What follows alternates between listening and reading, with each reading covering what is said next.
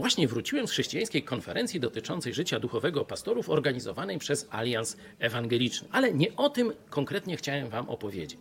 Na tego rodzaju konferencjach przez ostatnie 30 lat byłem, no gdzieś myślę 15, może więcej razy, ale nie za dużo. I zauważyłem na tej dzisiejszej konferencji poważną zmianę. Pierwsza rzecz to u wszystkich była jasna świadomość potrzeby innego rodzaju współpracy między kościołami czy denominacjami protestanckimi, ewangelicznymi. Że to już nie jest tak, że każdy sobie rzepkę skrobie. Że są tak ogromne wyzwania duszpasterskie i ewangelizacyjne, że musimy mądrze połączyć wysiłki. To się dało w różnych środowiskach odczuć, stąd moje przekonanie jest, że to sprawia Bóg Duch Święty.